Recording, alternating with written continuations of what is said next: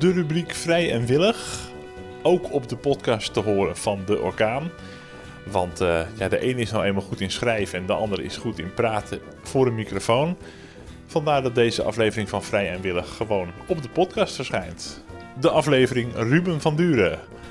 Ik ben betrokken bij de orkaan uh, om, vanwege het feit dat ik uh, als hele kleine jongen verhalen te horen kreeg over in het keldertje bij mijn oma. Uh, op het groene pandje, die had een antiquariaat op de Hoge Dijk. Daar werd de orkaan gemaakt. Oh, vet. Zodoende ben ik altijd benieuwd geweest naar media, bij de lokale omroep gezeten. En nu, nu al een jaar of drie, vier bij de orkaan af en toe eens een stukje schrijven voor op de website, tipgever en natuurlijk het Zaanse kwartiertje en andere podcasts. Ik vind het belangrijk om betrokken te zijn bij de orkaan, omdat ik uh, niet van het zijlijn toe wil kijken, maar juist er middenin wil zitten, zodat je zelf ook wat kan veranderen. En heb je dan ook dat je op een gegeven moment een uh, vingerspitsengevoel ontwikkelt, dat je denkt van, je bent ergens en denkt, hey, dit is nieuws, ik moet hier even een fotootje van maken. Of ik, ik zie hier kansen om uh, nieuws uit te halen. Dat creëer je vanzelf natuurlijk.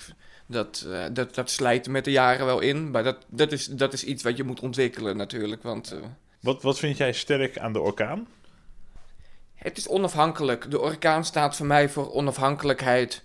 Dat ze nieuws belichten van verschillende kanten. Dat ze soms kritisch zijn op de gemeente, soms lovend zijn over de gemeente geen vriendjes willen maken.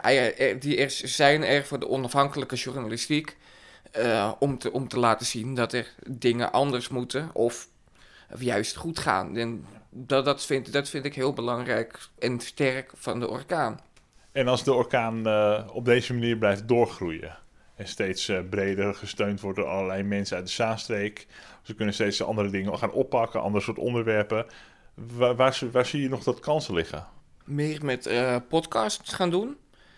Evenementen, bijvoorbeeld een, een razende reporter bij uh, het Bokkentochie, bij de Dam to Damloop, bij, bij, ja, bij, bij concerten.